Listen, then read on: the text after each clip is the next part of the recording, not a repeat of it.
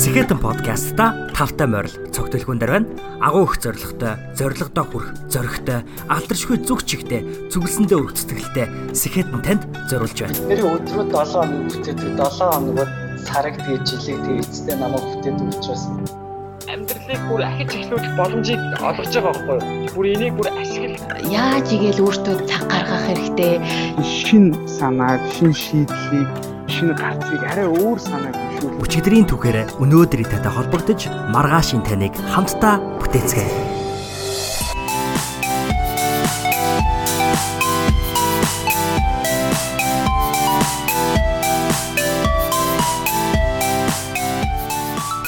Дэлхийн хүн болж олон улсад өрсөлдөх мэрэгчлэн болохын төлөө, боловсрохын төлөө бид өнөөдөр зөвхөн Америк, Европ зэрэг барууны орнууд руу зөвхлөх хэрэггүй. Монгол улсын маань дэргэд бас нэг Америк, бас нэг Европ оршиж байна гэж хэлэхэд буруудах зүйл бараг байхгүй болсон. Тэр улс орн бол мэдээж бүгд найрамдах хятад ард улс. Энэ 7 хоногийн маань зочин Хятадын Ivy League гэгддэг C9 буюу C9 лигийн нэг сургууль болох Jijang University-д олон улсын худалдаа болон эдийн засгийн мэрэгчлээ суралцж буй цог гэрлийн ануудаар оролцсон байгаа. Ануударын суралцдаг их сургууль оршдог Жижаа мужийн төв Ханжоо хот нь Хятадын бүхий л том технологийн компаниудын гэр болсон хот ба 21-р зуунд Хятад залуучуудын төдийгүй олон улсын мэрэгчлэнүүдийн ирж ажиллаж амьдрахыг хүсдэг захиурын хөндөй болсон хот үлээ. Өөрөөр хэлбэл Америк нэгдсэн улсын Silicon Valley буюу захиурын хүндийтэй зэрэгцдэг тэр хэмжээний хот болж хувирсан хот бол энэхүү Жижаан мужид байдаг Ханжаа хот юм. За тэгээд энэ удаагийн дугаарын маань зочин ануудартай энэхүү дугаарыг энэхүү подкастыг бид хоёр Америк нэгдсэн улсын Миннесота мужийн Миннеаполис хотод бол бичсэн байгаа. Ануударын хувьд дээд сургуулийнхаа амралтаар Америк нэгдсэн улсад ирээд өөрийнхөө ирээдүйн боловсролын төлөө энэ зуныхаа амралтыг өнгөрүүлээд эргээгээд эх орондоо буюу гэртээ харих замдаа өөрийнхөө багын найзтайгаа Миннеаполис хотод одоо уулзах, иргэн уулзалтах энэ уулзалтыг бол хийсэн байгаа. Энэ уулзалтад дундуур нь бит хоёр бол хоёр подкастыг бичиж амжсан байгаа. Нэг нь энхүү Нями 8-ын 74 дугаар а нөгөөх нь болохоор Анукагийн хийдэг Global Nomads буюу Дэлхийн нүүдэлчд подкастын 3 дугаар байгаа шүү. За тэрхүү дугаарт миний би өөрөө зочин болж оролцсон байгаа. Тэгэхээр Анука бит хоёр энэ 7 хоногийн хувьд ерөнхийдөө бол харилцсан өөр өөрсдийнхөө платформуд дээр тус тусын контентуудыг бол хийж хамтарч ийм гоё одоо контентууд бол бий болгосон байгаа. За Анукагийн манай Skeleton podcast-ын Ямин одоо энэ хүү подкастт орсон дугаар бол үнэхээр их үнцэн өгсөн дугаар бол яхаа аргагүй мөн байсан. Зуны амралт маань дуусаад, ерөн зуны уйлрал дуусаад, намрын уйлрал бол эхлэх гэж байна. Хэдий харамсалтай сонсогдож байгаа ч гэсэндэ цаагаараа бол үнэхээр олон хүний дотор бол догтлол байгаа гэдгийг би бол мэдэж байна. Надад ч гэсэн тийм догтлол байгаа. Тийм учраас энэ дугаар бол энэ подкаст бол тэр догтлолд тэр их хүсэл мөрөөдөлд тэр их урам зоригт бол үнэхээр гал асаасан тийм ээ ирч хүч нэмсэн ийм нэгэн дугаар бол болсон байгаа. За тэгэхээр Анука бит хоёрын хувьд маш олон өргөн сэдвүүдийн хүрээнд бол ярилцаж чадсан нэгэн цагийн хугацаанд тэдгээрээс дуртах юм бол ер нь яагаад хятад улсыг сонгож суралцсан юм бол бусад хүмүүсийг хэрхэн байгаагаар нь хүлээн зөвшөөрч хүлээн авах вэ? Иргэн тойрон хүрээлэл нөхөрлж бух хүмүүст нь таны амьдрал ямар нөлөө үзүүлдэг вэ? Хэрхэн бусдын амжилтаар тэр дундаа найз нөхдийнхээ амжилт сайн сайхнаар багархаж баярлаж сурах вэ? Подкаст бүтээгчийн хувьд подкаст сонсох болон бүтээх нь ямар давуу талтай вэ? Мэдээж хэрэг бусад медиа платформудтай харьцуулахад тийм ээ. За дэлхийн хүн гэж хэм бэ? Дэлхийн нүүдэлчин гэж хэм бэ? Global nomad гэж хэм бэ? Мөн дэлхийн хүн тэгвэл хэрхэн болох вэ? Монголчууд бид өнөөдөр яагаад дэлхийн хүмүүс буюу дэлхийн нүүдэлчд болох ёстой вэ?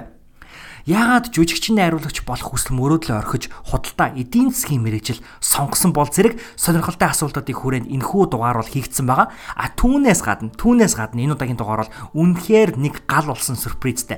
Тэрний үг гэхээр ирэх дугаараас ахуулаад энэхүү Нями 8 подкастын үндэс болсон 8 асуултыг бол асуултыг гал ассан богино хугацаанд зочноосоо асууж подкаст өндөрлүүлнэ гэж хэлж байсан. Тэрхүү амлалтаа энэ дугаартаа өөрийн зочин Анукатай хамт хамтдаа хийж гал асуултуудын хариултуудыг та бүхэндээ хүргэсэн байгаа. Тэгэхээр гал асуултуудад хариулсан анхны зочин болсон Анукада маш их баярлаа гэдгийг энэ зарчимд хэлье. А тэгээд энэхүү подкастыг хүлээж авах гэж байгаа танд баяр хүргэе гэж хэлмээр яагаад тэгэхээр энэ подкаст энэ дугаар бол яхаарахгүй таны амьдрал өнгө нэмсэн, ирч хүч нэмсэн тийм нэгэн гайхалтай дугаар болсон байгаа. Дахиж нэг секунд шүлэхгүйгээр хэдүүлээ энэхүү гайхалтай подкаст руугаа үсэрцгээе.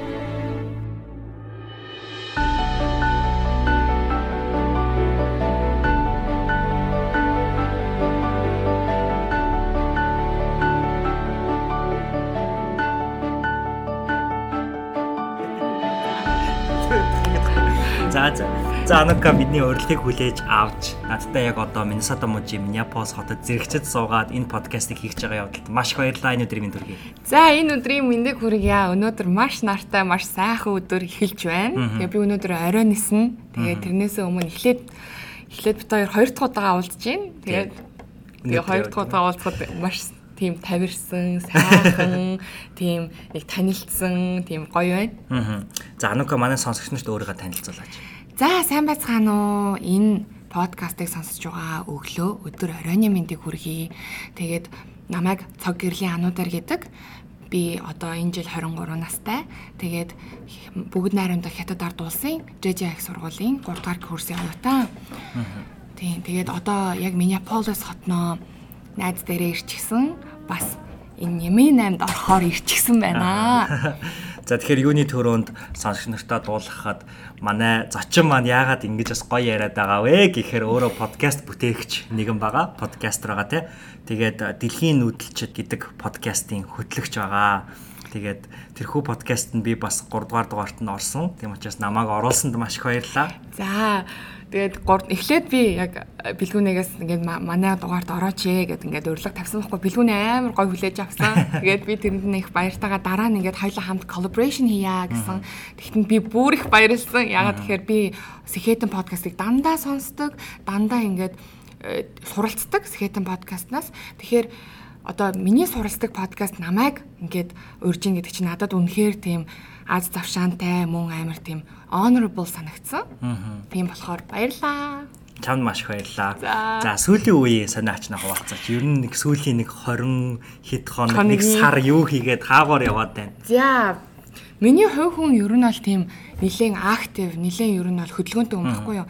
Тэгээд би ер нь бол зуны цагийг маш тийм үр бүтээлтэйгээр өнгөрөөх тийм өнгөрөөх юмсан гэж амар их боддог хүн. Яа тэгэхээр 100 цагт бүгд л одоо сайхан ажиллачлаа, сайн сурчлаа, одоо сайхан амрыг гэдэг. Гэтэ миний хувьд болохоор амрыг гэхээсээ илүү одоо дахиад нэг илүү мэдээд авчи. Эсвэл ямар нэг юмд хүрэхийн тулд зунаа зүгээр орхичихгүй. Тэгээд жоохон суралцъя гэж боддог. Миний одоо хувь хүний одоо одоо хувь хүний баримтлах чанар зуны хувьд. Тэгэхээр м, 100 цаг миний хувьд үнэхээр сайхан өнгөрч байна.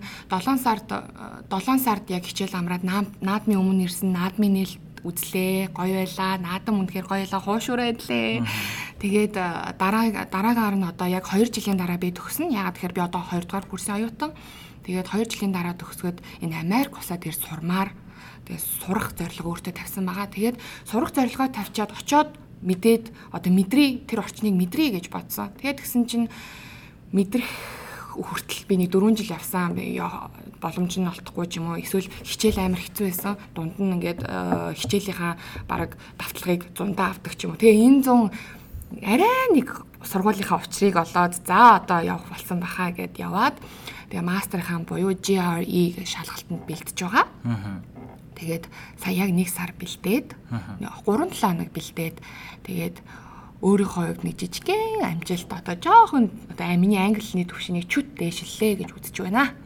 Тэгээд тэгээд Бостон хотыг мэдэрснийхаа дараа Миннеаполис хотноо найз дээрээ ирэх гээд миний багын найз энд амьдардаг. Тэгээд энд ирж байна. Тэгээ маш олон хүмүүстэй танилцлаа. Бүр өмнө нь би ингээд хүмүүстэй их нийтэж байдаг ч гэсэн яг хөв хүнтэй яг харьцаж үзээ тэр хүнийг мэдрээ сонсъё гэж үзэж байгаагүй юм лээ. Тэгэхээр үнэхээр мэдэрч хүмүүстэй айгуу тийм socialize хийлээ. Аа. За Бостон хотын тухай жоохон яриач. За. Бостон хот ямар мэдрэмж өгв? За Бостон хотод анх буусан байхгүй юу? Би яг 4 5 жилийн өмнө яг Америкийн нэгдсэн улсад нэг ирж байсан яг хэлний англи хэл сурах гад анхан англи хэл сурах гад Шүд 13 13 Дөрвөн онд онд. 3 онд Анз. 13 онд үгүй 14 онд ч юм уу за тэр хавцаа. Тэгээ тэгэнгүүт ирээд Тэгэхэд би яг юу ч мэдрээгүй юм байна яг үүндээ 5 жилийн өмнө 4 4 5 жилийн өмнө юу ч мэдрээгүй. Ер нь бол энэ байгаа орчин яагаад ийм хөгжилтэй болцсон энэ хүмүүс нь яг юу мэдрээд байгаа гэдгийг тийм бодох тийм ухаангүй байжээ. Тэгээд сая Бостон хотноо ирээд 23 настай Бостон хотноо ирэхэд надад үнэхээр сайхан мэдрэмж төрлөө. Миний цаашдын зорилгот нэг тийм э, фундамент нь боллоо гэж хэлж болно. Яагаад тэгэхээр би ингээд а, миний 10 жил болохоор би American School of Улаанбаатар төгссөн. Тэгэхэд би яг төгсөхдөө Америк явна гэж амар их бодож байгаад тэгээд хятад явсан байхгүй юу. Тэгээд тэгэхдээ би нэг жоохон харуулсал яваад исэн дотор.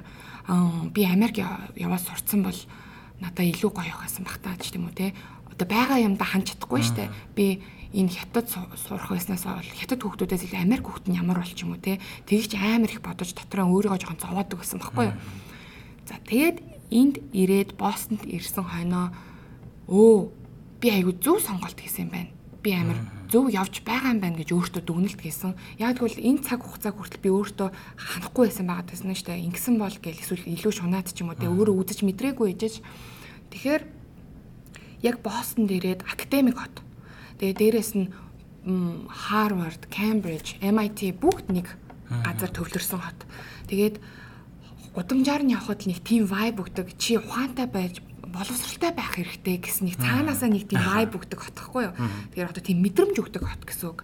Тэгээд чи гудамжаар нь явхад гудамжийн гудамжийнхын одоо хотынхын зохион байгуулалт нь яг л бүгд ингээд Бостон тэр чигээрээ кампус юм шиг сургалтын кампус юм шиг те. Залуучуудын хот бүгд ингээд сурах гэж боловсрох гэж явж байгаа хүмүүс чинь хаасайгүй номоо барьсан хүүхдүүд гэхдээ энэ зөвхөн 100 штэ. Тэгэхээр бүр хичээлийн жил эхлэхээр бүр их илүү гоё болдог байх гэж би бодоод байгаа.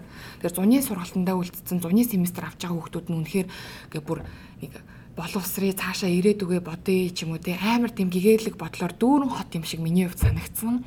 Тэгээд энэ хотод ирж сурах ёстой юм байна. Ер нь Америк улсад сурах ёстой юм байна гэдэг бодлыг минь илүү их баталгаажуулж өгсөн. А тэгтээ яг 5 жилийн өмнө би Америк сургуулийг төгсчөөд Америк 10 жилийг төгсчөөд би ирсэн бол би ингэж мэдрэхгүй байхсан баг. Яа тэгэхээр тэр 2 4 2 жил хэлний бэлтгэл 2 жил 2 дугаар курс хүртлээр сурахад 4 жилийн хооронд би одоо яах вэ гэдэг дотор харамсал тэгсэн мөртлөө би Аз иргэншлийг өөртөө Аз culture-ыг одоо соёл иргэншлийг би өөртөө шингээж авсан байна.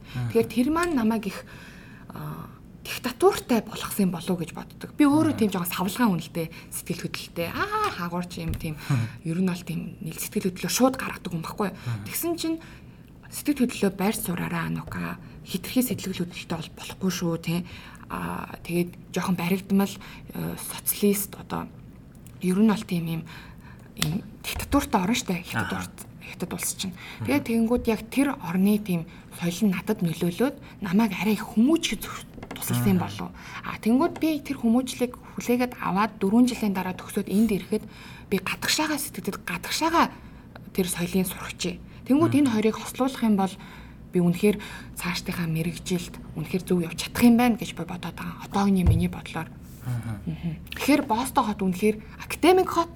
Тэгээд үнэхээр гоё их сургууль сурыг. Тэгээ Америк Америк улсыг зориё гэж бол том мөрөөд Тэгээд яг тэрэндээ хүр угаасаа болохгүй юм гэж байхгүй гэж би дандаа л хэлдэг. Тий. Одоо ингээд анх гадаадад очихоор ингээд бид нэр яг тухайн улс орныг төсөөлж байгааны төсөөлөлтөд ирдэг те стереотип гэж нэрлэдэг. Тэгэл ингээд зарим хүмүүсийг за хятад хүмүүс нэг иймэрхүү ааштай, Америк хүмүүс нэг иймэрхүү ааштай гэд аль хэдийн бид нар нэг юм үзэл бодолтой ирдэг. Гэтэл ингээд чиний яриг сонсож байгаа чи айгу нээлттэй юм шиг санагдаж байна л да. Хүмүүсийг байгаагаар нь хүлээн зөвшөөрдөг. Тэгэхээр магадгүй яг хизэнээс эхэлж чи бүр ингэж өөрийгөө нээлттэй болгож яг чадсан бэ хүмүүсийг байгаагаар нь хүлээн зөвшөөрч. Чанд байсан зүйл үү эсвэл чи энийг бас чадвар болгож өөртөө авсан зүйл болов? Ямар гоё асуулт вэ. За миний хувьд болохоор ер нь багасаа их урлагийн гэр бүлд хүмүүжсэн. Аа сонсогчд маань мэдгүй бах манай ээжийг уран чимэг гэдэг манай ээж жүжигчин манай продюсер тэгээ 20 жил драмын театрт ажилласан. Тэгээ миний энэ одоо нээлттэй байгаа зан чанар бол цэвэр ээж аав минь тус. Одоо ээж аав минь намайг өсгсөн орчин тийм болгосон. Яагаад гэхээр би хичээлээ тараал драмын театр дээр ээжийг ажлыг хүлээгээл би тайзны хажууд унтчихдаг хөхт байсан. Тэгээд тэр болгон дээр ингээд жүжиг үздэг байсан. Би багасаа маш олон жүжиг одоо драмын улсын драмын театр дээр тавигдсан бүх жүжигийг би үздэг байсан. Тэгэхээр урлаг гэдэг хүн хүнийг амар тийм нээлттэй болгож чаддсан байх гэж одоогоор би бол дүгнээд байгаа. Миний хувьд. Яа тэгэхээр урлагаар амьсгалсан хүн зөв хүмүүждэг гэж ярьдаг. Би тэгтээ өөрийгөө зөв хүмүүж хүмүүжсэн гэдэгтээ би одоохондоо яг үнэндээ хэлж мэдэхгүй байна. Тэгтээ миний хувийн бодлол хүнийг нинжин сэтгэлтэй болгодог, хүнийг нээлттэй болгодог, хүнийг ойлгож сурдаг. Тэр жүжигнэр ч олон янзын төрлийн сцен гарч байгаа. Тэр болгон дээр тэр хүн яагаад одоо одоо нөгөө кинон дээр ингэдэг байхгүй гол дүр жүжигчин тэг хичнээн эсрэг дүр байсан ч одоо та нар ингээл амар тэр эсрэг дүрийг үзэл амар үзий ядсан штэ. Гэхдээ яг киноны нэг conclusion яг эцсүүд нь нэг тийм зөвтгөх юм байдаг те. Тэр хүн ийм байсан учраас ийм үйл гаргахаар болоод Тэгэхээр чин тэр чин зохиолчийн зөвтгөл гэдэг юм явагдаж байгаа. Тэгэхээр амьдралт ч гэсэн яг би тэгж ойлгодог байхгүй юу? Ямар нэгэн муу хүн гэж байхгүй ямар нэгэн тэр хүнийг тийм үйлдэл гаргах болсон шалтгаан л гэж байгаа. Тэгэхээр миний хувьд одоо ингээ хүнийг би айгуу тийм хүнийг ойлгодог гэж бол өөрийгөө боддог. Яа тэгэхээр ямар ч хүнийг одоо ямар ч юм ярьсан би аа тэр хүн яагаад ингэх ингэж бодох болов гэдгийг би айгуу тийм бодож үзэх дуртай. Яагаад тэгэхээр одоо би өөрөө зохиолч их дуртай, өгүүлэлч их дуртай. Тэнгүүд эсрэг дүүрээ зөвтгөх нь штэ. Энэ хүн яагаад. Тэгэхээр тэрний тулд би жинхэнэ хүн дээр ажил сурах нь. Тэгэхээр би өгүүлэг бичгтээ аа нэг иймэрхүү юм байна да. Тэр хүн ийм үйлдэл гаргуул ийм байна. Тэр их нөлөөсөн. Бас нээлттэй эцэг чинь чамтай нээлттэй ярилцах хэрэгтэй. Одоо зарим хүмүүс чинь ингээд бүрэг хичмхийгээс олоод хүнтэй ярьж чаддгүй. Тэгээ тэнгүүтээ ингээд өөрийгөө зөв илэрхийлж чаддгүй штэ. Гэхдээ дотор хүн маш зөвхөн байгаад байдаг. Тэгсэн мөртлөө нөгөө хүмүүст илэрхийлэхдээ буруугаар илэрхийлэнгүүд хүмүүс яг л нөгөө харснаа дүгнждэг байхгүй юу. Тийм болохоор яг зөв илэрхийлэхэд өөрийгөө зөв илэрхийлэхэд ер нь бол дандаа ээж авчин л их нөлөөлдөг юм шиг санагдсан. Бага байхад одоо ээж юунд болохгүй байна? Яагаад ингэж юу? Чи буруу үйл гаргасан. Тэрний загнахаасаа илүүтэйгээр ярилцаж сурдаг. Одоо чи яагаад юунд болохгүй байгаад миний охин ийм үйл гаргаж юу? За би одоо худлаа ярьсан байна. Жох хүүхдээ одоо 13 14 тахад нэг худлаа ярьдаг нас гэж байдаг шүү дээ. Одоо ямар ч чалгаангүй ямар тэнийг юмд худлаа ярьцдаг. Тэнгүүд одоо зарим эцэгч чинь ингээд өө эн чинь болохгүй байсан байна. Чи яагаад худлаа ярьчих гээд нөгөө шалтгааныг сонсгүйгээр шууд ингээд judgment хийнгүүтээ одоо манай монгол эцэгчүүд нь согтөг ч юм уу те. Чи ингэж болохгүй. Тэнгүүд нөгөө хүч яагаад дараа нь дахиад одоо тэр ярилцах гэдэг юм байдгүй юм байна гэд одоо сэтгэлзүйд нь орчдөг юм шиг санагдсан. А миний хувьд болохоор би буруу юм хийх юм бол ээж намайг ойлгож сонсдөө шүү. А тэгээ тэр ойлгож сонсохдоо миний охин эн чинь буруу шүү. Чи ингийн мал цааштай нийгэмд гараад ийм юм болно. А буруу хүмүүст ойлгох юм бол чамайг цааштай одоо яс сурахаар нэр хугарахаар яс хугар гэдэг үг шиг одоо тэрийг бас айгүй тийм манай аав их хилтгэл тань надад. Тийм болохоор хүн зөв зөв одоо ойлгуулж ижил нэрээ авч шүү дээ. Тэгэхээр чин гэтээ бас тэр худлаа байж болохгүй. Өөрөө тийм хүн биш мөртлөө худлаа зөв юм ярьж болохгүй. Тэгэхээр яг өөрийнхөө дотоод байгаа зөв юм а хүнд гаргахын тулд яг маш сайн ярилцах хэрэгтэй. Яг алдаатай дутагдaltaй ярьж болно. Гэтээ тэр бол нэг тийм асуудал биш шүү дээ. Ойлгодог хүмүүс нь ойлгоно, ойлгохгүй хүмүүсийн зүгээр орхичихвол гэж хэлмээр. Тэгэхээр ер нь бол хамгийн түрүүнд ээж аав гэж хэлнэ. Дараа нь кино, театрын жүжиг, номтой айгүй ойрхон байгаарай л гэж хэлмээр байна. Тийм. За баярлаа. А Анукагийн одоо сурж байгаа сургуулийн тухай бас сонсох нь зүйтэй байх л та. А би ингээ өөрийг чинь подкастыг сонсож байхад надад юу гэж санагдсан бэ гэхээр толгойд буусан зүйл маань Америк бол өөрөө 300 сая гаруй хүн амтай. Хятад бол өөрөө одоо энэхээс бараг 5 6 дахин хүн амтай тий. Тэрбум гаруй хүн амтай. Тэгэхээр зэрэг Америкт сургуульд орно гэдэг чинь нэг хэцүү даваа. Гэтэл тэрнээс ч илүү олон хүн амтай улс оронд очиж сургуульд орно гэдэг бол маш хэцүү даваа. Тэгэхээр тэр олон хүмүүсийн дунд тийм өрсөлдөөнтэй газар ер нь яагаад яг бүр хамгийн өрсөлдөөнтэй сургуулийг нь ялангуяа сонгож орох болов? Тэр сургуулийнхаа тухай танилцуулаач. За миний сурдаг сургууль болохоор бүгд найрамдах хятад ард улсын Ханжоо Ханжоо гэдэг хот байгаа. Тэгээ Ханжоо хотын Жэжя мужийн Ханжоо хотын Жэжяндаш гэдэг сургууль сурж байгаа. Олон улсын худалдаа болон эдийн засгийн мэрэгчлэр одоо 2 дугаар курсээ төгсөөд одоо энэ намар 3 дугаар курстэ орох гэж байна. За миний хувьд яагаад эхлээд би яагаад хятад улс сонгосноо яри. Яагаад сонгосон бэ гэхээр яг 12 дугаар анги төгсөх болол яг нэг жил яг бүхэл нэг жил жингээ эцэг ихтэй одоо ямар сургуульд орох вэ? Их сургууль бол хүний амьдралыг шийддэг дээ. Бакалавр бол нөгөө дахиад нөгөө хундамент гэдэг шиг хүний яг тийм суурийг тавьж өгдөг. Сүүрээ зөв тавьчих юм бол дээшээ байшингаа хідэнч давхар барьж болно. Эхлээл яг American School of Ulaanbaatar гээд 10 жилийг төгсчөөд надад яг юу гэж санагдчихсан би Канад явна би LA явна гэл амар тэгж ярьдаг хөхтэйсэн байхгүй юу. Тэгээ манай аав нэг удаа сууж агаад за чи SAT-ийн хоног авлаа, TOEFL-ийн хоног авчлаа. За тэгэнгүүтээ миний охин ер нь бол би тийм сайн аваагүй бас муу аваагүй. Нэг дунджаас нэг жоохон дээгүүр авсан. Тэгээд одоо миний охин англи хэлийг бол чи хаад сурнаа? Чи одоо 4 жил англи хэлээ сурчлаа. Тийм болохоор чи одоо хятад хэлээ сурвал яасан бэ? Хятадын 900 болж гин. Тэгээд чи дээрэс нь одоо чиний мөрөөдөл чинь миний мөрөөдөл их хоёр өөрчлөгдсөн. За энийг цаашдаа ярив. За ёо. Тэгээд мөрөөдөл чинь болохоор би одоо кино цаашдаа гадагшаа худалдаалах төлөвлөгөөтэй байгаа. 12 дугаар ангид яг тийм мэдрэмж зүгээр орж ирсэн. Тэрийг яг үндэ би чадах болооч гэж бодоагүй. За за гэж сонгосон яг үнэндээ тийм дуртай байгаагүй. Гэтэ одоо бол дуртай шүү. Шиг 4 жилийн өмнө бол яг дуртай байгаагүй. Тэгээд тэрний хувьд одоо Аз царайтай хүнийг Америк хүн яг үндэ үзэхгүй л ахгүй юу? Тийм болохоор чи Аз руугаа явуул яасан. Тэгээ 21-р зуун хятадын 90 зам болноо. Аав нь мэдчихээн гэж хэлсэн байхгүй юу. Тэгээд яг тэрний дараа ярьж агаад яг манай нэг 10 жилийн ариун заяа гэдэг охин бит хоёр их сургуулаа сонгох гээд бит хоёр ингээ лист гаргачихсан чинь бит хоёр одоо Чинхуа их сургууль руу орё. Хятадын бас номер 1 сургууль одоо Чинхуа их сургууль руу орё. 2 жил хэлний бэлтгэл суух байсан ч хамаагүй гээд тэгээ би тэр үед би өөртөө эргэлзэжсэн. Би чадах болов те. Тэгээд тэгсэн чинь Үгүй сурж байгаагүй хэлээрээ их сургууль сурна гэдэг чинь бас л жоохон эвгүй штэ. Тэгээд би за за би тэр үед гэхдээ амар тийм жоохон хийсэн нэг тийм за за болчих гэж ботцсон нэг юм бодоогүй яг үнэндээ. Тэгээд яг найзтайгаа ярьсан манай найз за за би боосон лөө орлоо гэд яваад би болохоор Чинхуа дээр үлдсэн байхгүй. Тэгээ би Чинхуагийн хэлний бэлтгэлд 2 жил сураад тэгээ 2 жил сурлаа би чамд нэг амар гоё түүх ярьж өгье. Тэгээ 2 жил хятад хэл сураад Тэгээ 2 жил хятад хэл сурсныхаа дараа Чинхуа их сургууль руу бизнесээр орно гэд бас нэг судалгаа яваагүй. Зүгээр Чинхуадаа орно. Зүгээр Чинхуагийн зүгээр л тэр overall rating-ээр нь л би зүгээр дүгнээд за за би Чинхуадаа л орно гэж бодоод яг 2 жил яг жил хагас суугаад би тэр бакалаврын хангах эжсгээ 5 гэдэг шалгалтыг өгөөд тэнцсэн баггүй юу. Тэгээд би жил хагас сурчаад тэнцчээд би аппликейшнээ Чинхуалуугаа явуулчаад хүлээж исэн. Тэгээ яг нөгөө 2 сар яг тэр үед 2 сар цагаан сар болоод тэгээ цагаан сар болсныхаа болсон болохоор нөгөө нэг гадуур яваад би мэйлээ шалгаагүй байхгүй юу. Тэгээ би мэйлээ шалгаагүй ээж автаа явж байгаа. Тэгээ би их хариуцлагагүйсэн. Тэгээд нэг удаа яг 3 сарын 2-нд за өнөөдөр чи мэйлээ шалгаа да. Ягаад гэхээр би ягаад мэйлээ шалгахгүй байсан бэ гэхээр за өөрийгөө бас зөвтгөжж магадгүй. Гэхдээ нөгөө нэг acceptance-ийн нөгөө хариу нь болохоор 3 сарын 20 доор гарна гэд би нөгөө нэг вебсайтнаас уншсан сэтгэл амаар яваад байсан. Тэгээд би Gmail-тэй холбоогүй Apple Mail-тэй холбоогоо нөгөө notification ирдгүү.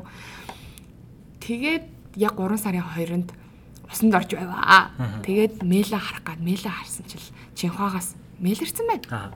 Тэгэд хөөх гэж харсан чинь congratulations you accepted to our school гэл тэгэл би бүр баярлал your interview time гэсэн чинь яг миний усанд орж исэн өдөр байдгийн. Аа. Тэр нь болохоор яг 2 хоногийн өмнө ирсэн байл байгаа байхгүй юу?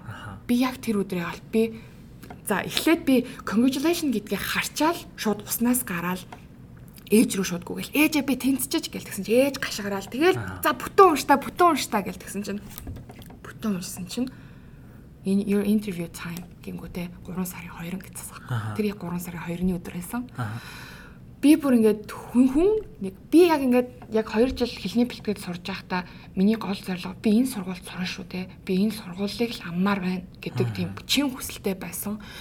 Тэгээд тэгсэн чинь би яг тэр хүсэл тэр доороо алга болоод би юуны төлөө жил хагас тэгэж одоо хятадлыг яагаад би би ингээд тэр хүл чинь бас нэг жоохон effort гараад надаас хүчин чармаалт яагаад гаргасан ингээд бүр ингээд. Тэг манай ээж хэлэг өгөхгүй байсан л та тэр үед. Ингээд Тэр чинь цэвэр миний буруу байхгүй юу? Би мэйлээ өдөр болгон шалгаагүй байна.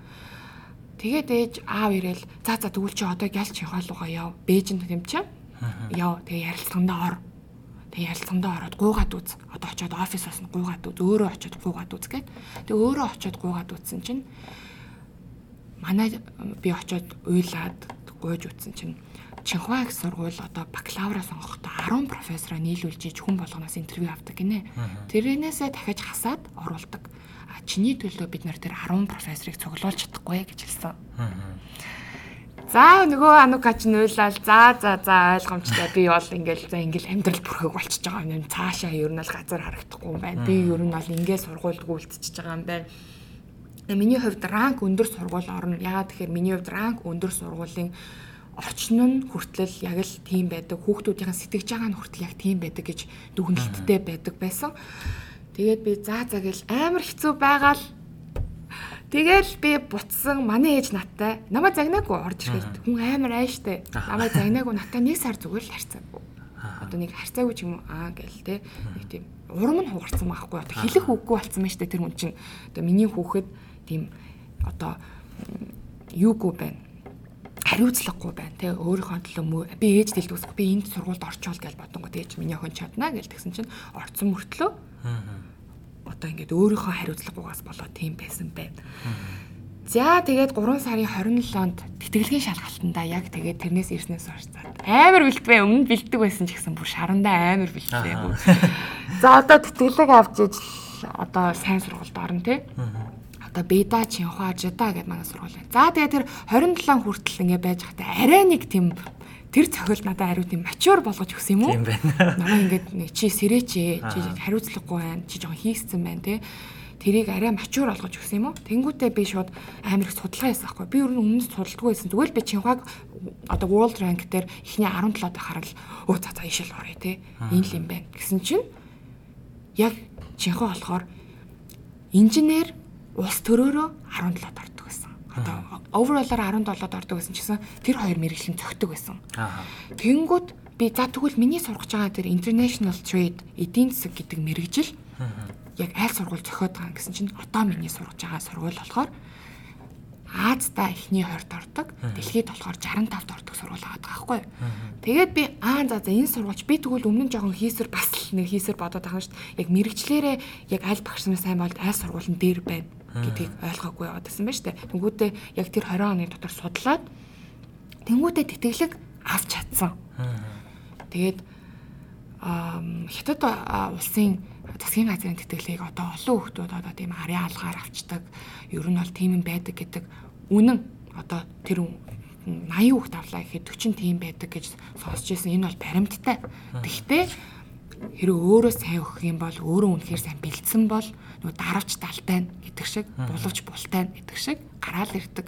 Тийм болохоор тийм болохоор ерөөсөө одоо энд би юу хэлэх гээд байна гэхээр одоо хятад улсад сурах гээд байгаа хүмүүс байх юм бол одоо ахуул ахуул махуул авчдаг гэдэг шиг тийм юм өөрөө хичээх юм бол бэдгүй шүү. Жохон өөр оптимист гэхэр бодож үзээрэй. Чаддээ шүү. Би 2 жил хэлний бэлтгэл суугаад би яг нөгөө нэг тэр сургуульд орж чадсан. Тийм болохоор би чадж байгаа юм чинь чи чадна, бүгд л чадна гэсэн мессеж өгмөр байна. Тэгээд тэгээд жажаа их сургуульд тэгэхээр би бол Чинхуаг болон тэр гурван тэр татгалгийг авчаад тэр гурван сургуулаа бичдэг байхгүй юу. Тэнгүүд би эхлээд Чинхуа гэж хэлж болох байсан. Тэгэх юм бол намайг авах байхгүй юу. Тэгээд би жажаанаар өөрчилсөн байхгүй юу. Жажаан Чинхуа Бэда гэж өөрчилсөн. Тэгээд намайг шууд хамгийн анхны сонголтоор манай сургууль намайг авцсан байсан. Би их баярлсан. Тэгээ би амар баярлал. Тэгээд Гэтэ бас сэтгэл хорогдсон юм байна. 2 жил яг сори сори гэсэн их сургууль харсаар агаад өөр сургуульд орчхоор тэр сургуулийн одоо инстаграмаар ямар гоё юм бэ ч юм уу те энд сурсан бол яах вэ гэдэг бодол байсан. Гэтэ манай сургууль үнэхээр гоё. Би сургуульд амар хайртай. Би бүр сургуулийн хаалгаар орох болгондоо намайг авсанд нь амар баярлдаг. Яа тэгэхээр би ийм гоё хүмүүстэй сурж байгаа шүү. Би ийм гоё сургуулийн нэр хүндийг авч явж байгаа шүү гэж мэдэрдэг. Манай сургууль гол тэрийг мэдрүүлж чаддаг байхгүй. Би мэдрээд байгаа юм биш мэдрүүлж чаддаг. Тийм болохоор тэгээд хятад улсыг сонгосон. Аавынхаа хүслээр сонгоод дараа нь өөрийнхөө хүсэл олгож өөрчилсөн. За яста сонирхолтой түүх хуваалцлаа. Маш их баярлалаа. Одоо тэгээ чи өөрөөсөө хэллээ шүү дээ. Зохилд өгсөн гэд. Тэгэхээр мэдээж хэрэг тэрнээс хойш чи бас шийдвэр гаргахдаа альва зүйлийг төлөвлөхдөө айгүй ондоо бас хандлагатай болсон байх л та. Тэгэхээр одоо жишээ нь чи түрүүн подкаст эхлээд хэлж ирсэн эргэж ирж ирнэ Америкт одоо магистрийнхаа програмыг хийх одоо зоригтой байгаа тийм ч учраас чи сая Бостонд бас ингээд зорилгынхоо төлөө 21 хоног сургуульд нь яваад инглээ гэдэг чинь. Тэгэхээр зэрэг энэ одоо магадгүй яг Бостонд эргээд ирэх ч юм уу те ер нь Америкт эргээд ирэх гэдэг яг энэ шийдвэрт энэ 21 хоногийн хугацаанд чамд бүр ингээ баттгаж өгсөн ч юм уу. Эсвэл энэ шийдвэртэнд одоо яг түрүүний одоо нэг юм өөр мэдрэмж өгсөн байж тээ ингээд чамд бас нэг боломж гараад ирсэн байж тээ хэдий чи алдсан ч гэсэндээ чи өөр юм судлаад ингээ аа ийм өөр боломж байдгийн байна. Энэ сургууль чинь илүү сайн юм байна. Энэ чиглэлээрээ мэдээд авцсан те тэрнтэй адилхан энэ 21 хоногийн хугацаанд чиний ирээдүйн шийдвэрт өөрчилсөн нөлөөлсөн тийм зүйл байсан болов За энэ 21 хугацаа биш 24 оны хугацаа. Бостон ч гэхгүй Миннеаполис хотноо яриад хоёрхан одоо баг нэг өдөр талтай болоход надад бүр үнэхээр тийм миний үзэл санаанд бүр үнэхээр гоёор эргээр зөвөөр маш боловсронгуйгаар нөлөөлж байна. Яагаад тэгэхээр Бостон хотыг би түрүүн хэлсэн академик хот. Тэнгүүд одоо би тэр хотод очингуудаа а би ийм сургууль сурах юм бол ийм хүүхдүүдтэй найзлаад ийм орчинд сурах юм бол намайг ийм ирээдүй хүлээж байгаа юм байна гэдэг бодол надад илүү өгсөн байхгүй юу. Тэгэхээр Америкт сураад яагаад боломж нь байгаад байгаа юм байгаад байгаа юм бэ гэж ойлгосон бэ гэхээр асар их opportunity одоо боломж бүр хаас айгу орон юм байна. Тэгээд Бостон хотноо одоо сурахад, ажиллахад ажиллахад одоо бүх юм нээлттэй санагдсан. Яа тэгэхээр одоо манай 10 жилийн найз Заяа гэдэг охин бас дээрээс нь манай багын найз баяр талаар гэдэг охин бүгд ингээ Америкт ажиллаж байгаа. Тэгээд бүгд боломжтой. Тэгээд бүгд өөртөө маш хичээнгүй хүмүүс. Тэгэхээр тэр хичээнгүй байдал нь намайг бас мотивацлаад байгаа байхгүй юу. Тэгэхээр би өөрөө тэгж хичээхэд хааж ажиллаж болох юм байна. Одоо гой хүмүүстэй найзалж болох юм байна. Гой сургууль сураад атлист одоо тэр кампусыг хараад чи ингээ хичээлээ хийж хата гой кампус сурах юм бол ямар мэдрэмж төрөх вэ те? Ийм цаг хугацаанд ингээ тэр залуустай хамт боловсрч чинь кампусаараа л ямар гоё юм бэ те? Дотор байраараа л ямар гоё юм бэ? Найзуудтайгаа ярихад чиний мэддгүү сэдвэр дандаа ярьдаг. Чамтай дандаа тийм юм одоо жишээ нь ингээл шашны тухай ярьдаг Гэтэ энийг манай сонсогч бити буруугаар ойлгохоор одоо шашин нэг юм байд юм байлээ гэж сонирхуулж ярьж байгаа шүү. Аа тэнгуүтээ бас одоо ийм наад захын кино үзсэн гэхэд л нэг наад захын кино ярихгүй нэг ийм кино мэдэрснээ ярьж байгаа хгүй мэдэрсэн мэдрэмжээ ярьж штэ. Тэнгүүд зарим хүмүүс одоо ихэнх нь болохоор нэг шүргээл өнгөрдөг. Чи юу хийж гин өнөөдөр ийм байсан. Аа тэр гоё юм бэлээ. Аа гоё юм бэлээ. Эн чинь яг хүнд юу үлдхүүгээр үлдхүүц юм байхгүй байгаа байхгүй? Одоо өчигдөр хүртэл одоо ингээд сая баяр талгаар гээд манай энэ багын найзтай ингээд найз залуутай тэгээд хоёр найзтай нэг ярьж хахад бид нар homo sapiens юм байт юм бэлээ дээр үед яагаад тэгсэн бол те түүх яагаад ингээд хувирсан бол? Тийм байгааг бол ямар ямар байх вэ те? Бэлгүүнээ тэгэл сая хагас өдөр намайг эрс өдөр бид нар уулзж байгаа ч гэсэн бидний ярианы сэдв бол үнэхээр гоё байсан байхгүй юу? Би тийм ярианы сэдвтэй хамт олонд бүр амар дуртай байхгүй юу? Ягаад тэгэхээр би ийм э, зүгээр тогооны яриа ярьдаг хүмүүстэй байж үдсэн а үдцсэн байж тээ. Тэнгүүд би харьцуулаад байгаа байхгүй. Тэнгүүд надаа юу нь илүү оногч юм гэхээр тэр ямар хувц өмссөн биш.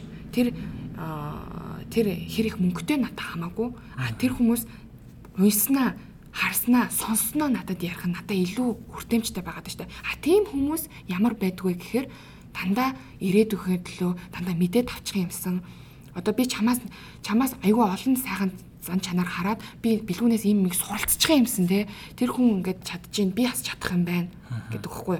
Тэгэхээр тэгэхгүй бол тэр чадчихээн би э, яагаад тэр чадчих биш а энэ чадчих юм чи би бас чадах юм байна. Тэгэхээр би тэр хүнээс суралцаад авчи. Тэнгүүд яг энэ яга буцаад энэ боссонтой яга холбогдож байгаа гэхээр тэр хамт олон хүүхдүүд нь тийм байгаад байгаа учраас би тийм хамт олонтой хамт байж тийм юм байнга ярьж хамт суралцж хамт хөгжмөр байгаа учраас би Америк улсыг одоо хамт сонгомоор байна. Хятад улсад ч гэсэн одоо ингээд бас яг хүм хаач газар нөгөө чиний хэлснээр одоо миний подкастн дээр чи хэлсэн шүү дээ.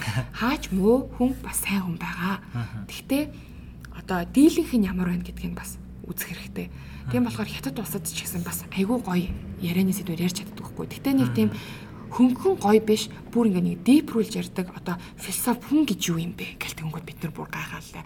Бүр хитрхээ төвшин. Тэнгүүд Америкт болохоор бүгдийг баланслаад байна л та. Тийм болохоор тэр баланс их таалагдсан. Тэгээд хятад усаж байгаа найзтай болоход амар хэцүү байдгийг. Одоо ингээд хамаагүй ингээ гоё хөөе сайн уу гэж ярьцгаад ингээ жоохон ингээд ингээд хаалт тавиад байдаг. Тэгээ хаалтын нилээн удаан байж аж хаалтын тайлна. Нэг бодлын сайн, нэг бодлын муу байгаа байхгүй. А тэгэхэд Америкт болохоор би нилээн гадагшаагүй болохоор айгүй хурд найзуудтай болж чинь, айгүй хурд ойлголцож чинь, айгүй хурд шууд хэлж чинь, чөлөөтэй бодол санаагаа хэлж байна. Хятад болохоор бас жоохон чөлөөтэй бодол санаагаа хэлэхэд жоохон хязгаарлагдмал байдаг. Одоо хятад улс ингэсэн байж тээ. Чиний бодол юу вэ гэж хэлж авахад хятад улсыг жоохон муулж болохгүй ч юм уу те. Тэр болохоор нэг бодлын зөв нэг бодлын буруу. Бүх юм нэг хоёр талтай. А тэгэд Америкт болохоор өө Америк ус чи ингэсэн байж тээ. Айгүй муу тал нь юм байна. Чиний бодол гэл тэнгууд урдаас харин тиймтэй миний ч гэсэн имзэглэгээ ярьж ярьж хэлж байгаа байхгүй. Энэ талаараа ер нь бол Хятад Америк хоёр их ялгаатай юм байлаа шүү.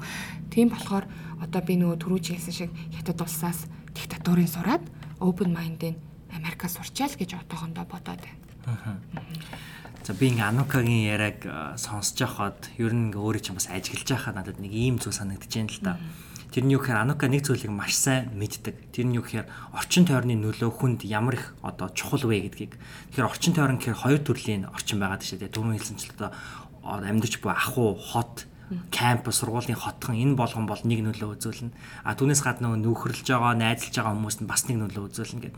Тэгээ би зүгээр ялангуяа энэ хоёрдугаар одоо нөлөөлөл буюу нөхөрлөж байгаа, найзалж байгаа эргэн тойрны хүмүүсийн нөлөөн дээр ингээ Анукагийн нөгөө найзтайгаа хийсэн YouTube дээрх бичлэгийг сонсч ирсэн чинь чи ингэсэн гэдэг гисэн штэ. Найз нь ингээд айгүй гой төлөвлөгөөний дэвтэр хийсэн чинь чи түүнээс нь сэтэл аваад яг би ингэж хийнгээ хийсэн гэд. Тэгээ чи бүр ингээ найзаараа бахархсан ямар гой хийдэм бэ гэд ингээ хийсэн гэл тэгжсэн. Тэрнтэй адилхан ингээ Анука ингээ найзынхаа амжилтаар нэгт бахархаад хоёр тэрийн бүр хүлэн зөвшөөрөө. Тэгээ гуравт цааргалахгүйгээр ингээ өөртөө ингэж хэрэгжүүлээд тэгээ хамтдаа тэр найзтайгаа хамтдаа ингээ тэрийг нь илүү баяжуулахын хичээд юм шиг санагдсан.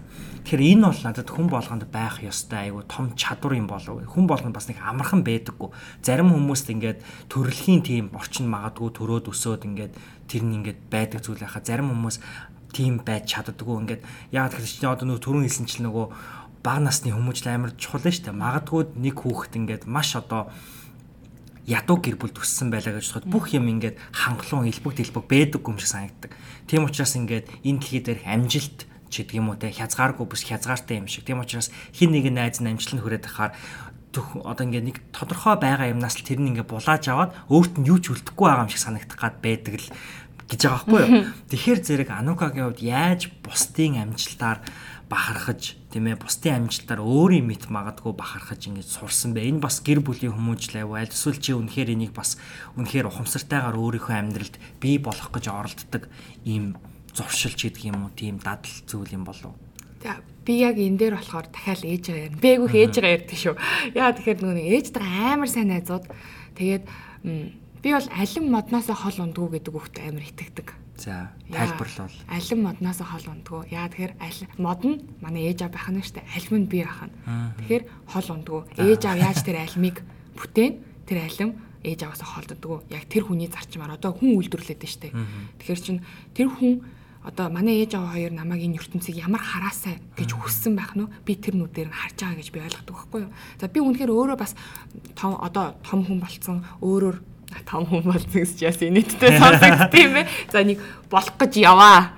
Тэгээд тэгсэн чинь ээж аваа хоёр намайг ийм шүүгээ те бас нөгөө нэг фундамент яригдж байгаа юм л да. Одоо нөгөө нэг суурийн сайн тавиад өгсөн байхад би хичнээн далираад одоо одоо бурууг замаар орсон ч гэсэн дараа нь татах нэг тийм гогцоо үлдээчтэй юм шиг санагдсан. А одоо э, ярьж байгаа болохоор хүний амжилтанд чин сэтгэлээсээ баярлах, найзынхаа амжилтанд сэтгэлээсээ баярлах гэдгийг манай ээж надад надад хэлдэг байсан байхгүй юу?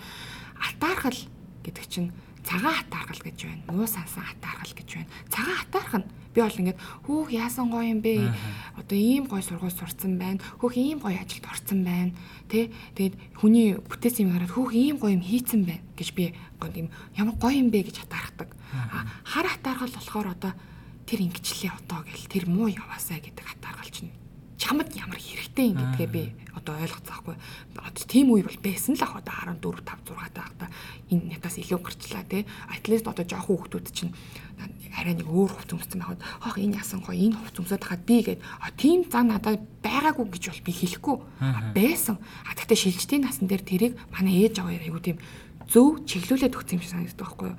Дахиад нөгөө ярилцсан гэдэг шиг миний охин ээж болохоор ерөөсөө тийм чи өөрийнхөө уртгаал хий бусд хүмүүс хамаагүй өөрийнхөө а тэгээ хүн болгоноос суралцах зан чанар байдаг юм а гэдгийг надад ингэ суулгаж өгсөн байхгүй муу хүн гэж байдгүй. Тэр хүмүүсийг муу үйл гаргахад хүрсэн situation л гэж байдаг. Тэ? Тэгвэл тэр хүнд муу хүн ч гэсэн дотор нь ямар нэгэн амар цэвэр ч юм уу те амар нямбаа ч юм уу те юмуд одоо одоо атлист өдөр болгон гутлаа тоглох ч л тэр хүнээс суралцах нэг зүйл байхгүй юу? Тэгэхээр тэрийг одоо байн хэлдэг байсан. Одоо заримдаа би бүр ээж ямар ядаргаатай юм бэ гэж хэлдэг байсан. Мөртлөө тэр чинь хилэг тоолонд тэр артлын тархинд ингээд кодлогдоо л гэж идэм шиг байгаа. Тэнгүүд заримдаа бүр яалч өөр ээжгээ үйл гарангуудаа би яагаад гаргаж өгөнгөө нэг тархинд нь нөгөө нэг өдөр болгон хүнд хэлэхээр хүн нөгөө нэг одоо өдөр болгон сонссон дууга чэйжилдэг шиг одоо нэг дуу өдөржингөө одоо насан туршдаа сонсоод байвал тэр чинь цэйжлэгдэн штэ бүх үг нь яг тэрнтэй адилхан одоо ингээд тархин нэг үлдчихтэй юм шиг санагдсан. Тийм болохоор миний хувьд би одоо ингээд миний хувьд манай найзууд зүгээр миний хүрээлэл заяа миний хүрээлэл намайг илтгэх хүмүүс ахгүй юу. Миний одоо нэрийн хуудас гэсэн үг байхгүй. Найзаар нь намайг гэдэг хөлт би бас амар итгэдэг. Яа тэгэхээр ямар нэгэн одоо зан чанар vibe нийлэл би тэр хүнтэй нийлээд байна та.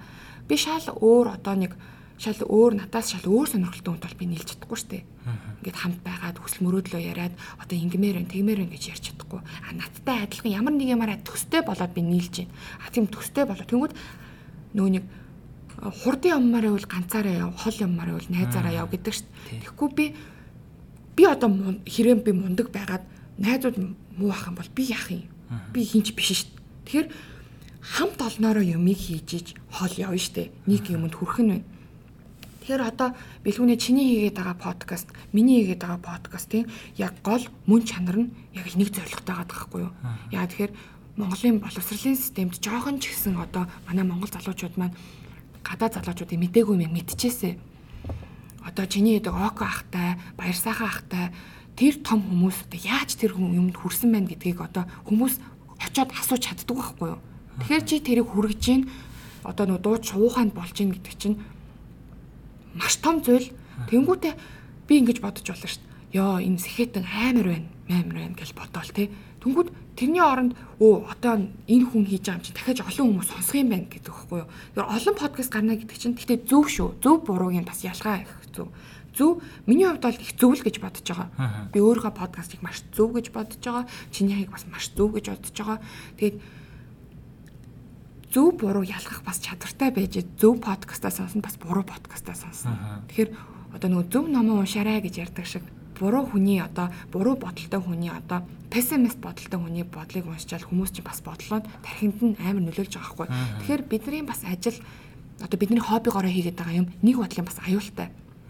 Ягаад тэгэхээр би ингээд яриад байдаг тэгсэн чинь ингээд яг энэ бодол яг мөн чанартай буруу байвал яах вэ те? байнга тэгэж бод. Тийм буруу байвал яах вэ? Тийм буруу байсан чинь одоо хүн шал буруугаар нөлөөлөл амар үсттэй. Хойлоо зүгээр нэг хүний амьдралын сэтгэхүйд амар буруугаар нөлөөлж байгаа байхгүй.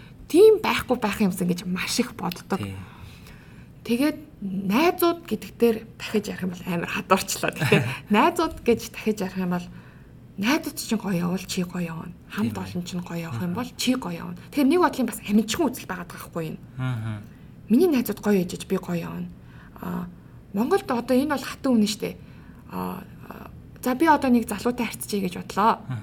Тэгээд тэгсэн чинь тэр залуутай харьцчих чинь манай сайн найз өө наадхны чинь найз нэг ингээл шоудаал ингээл нэг амьдралгүй явж идэв. Тэгэхээр миний хувьд миний үзэл бодолтой хүн чинь одоо найз нь найзтайгаа л адилхан болоод ер нь хамт нийлээл хамт нэг зорилготой яваад идэх хүмүүсийн чинь л найзууд гин штэ.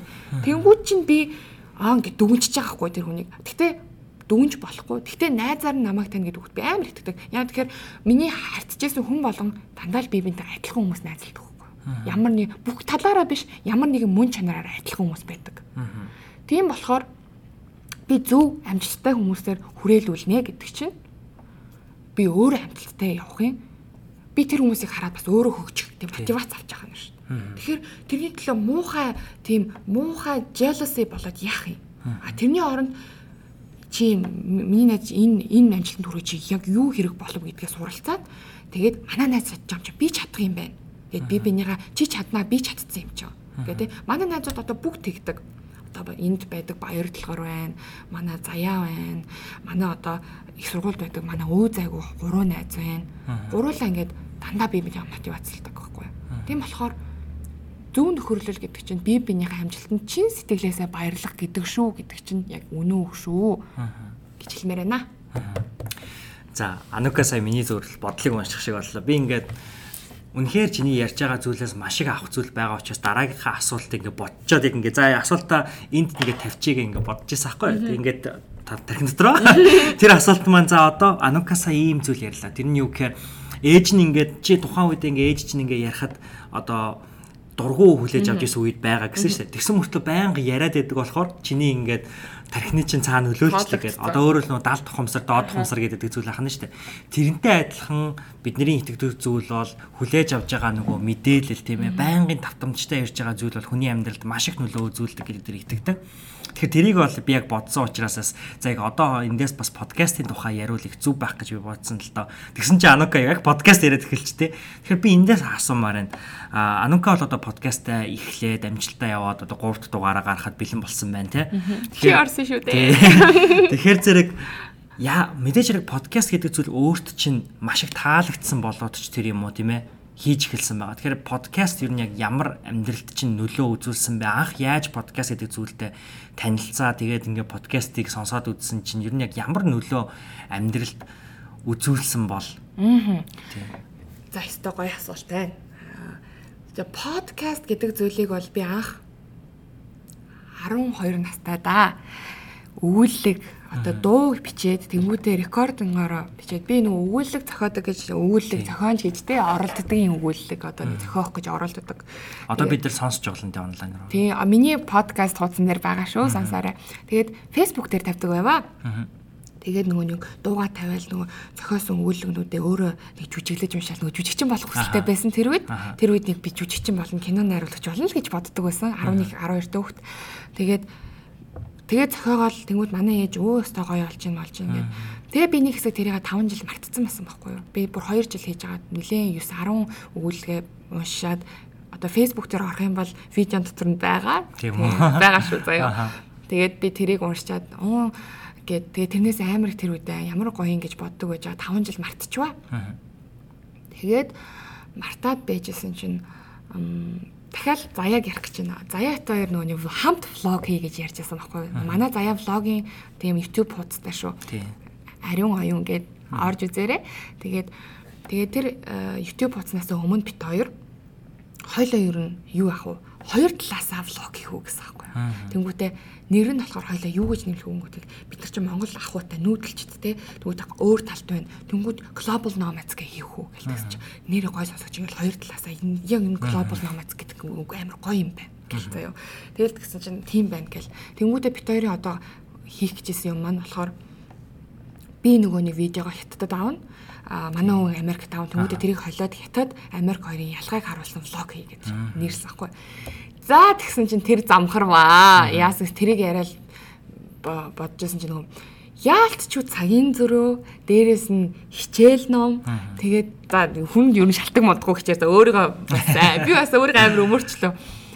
Тэгээд тэгсэн чинь ер нь бол өөртөөхөө ер нь бол жоохон тийм хариуцлагагүй жоохон заа заа болохгүй юм байна гэж өөртөө тийм excuse тавиад болоогүй тэгээд болоогүй байж байгаа манай хүн ариун оюун гэд одоо влог өөрөө хийгээд тэнгуут нь бид хоёр бас ярилцчихсан чинь би нэг влог хийх гэж хэд үзвэ. За. Тэгсэн чинь монголоор дүүрэн влогч нэ. Тэгэл би бүр за за хүмүүс ямар олон влог хийдэг. За би ч илүү юм уу дөө.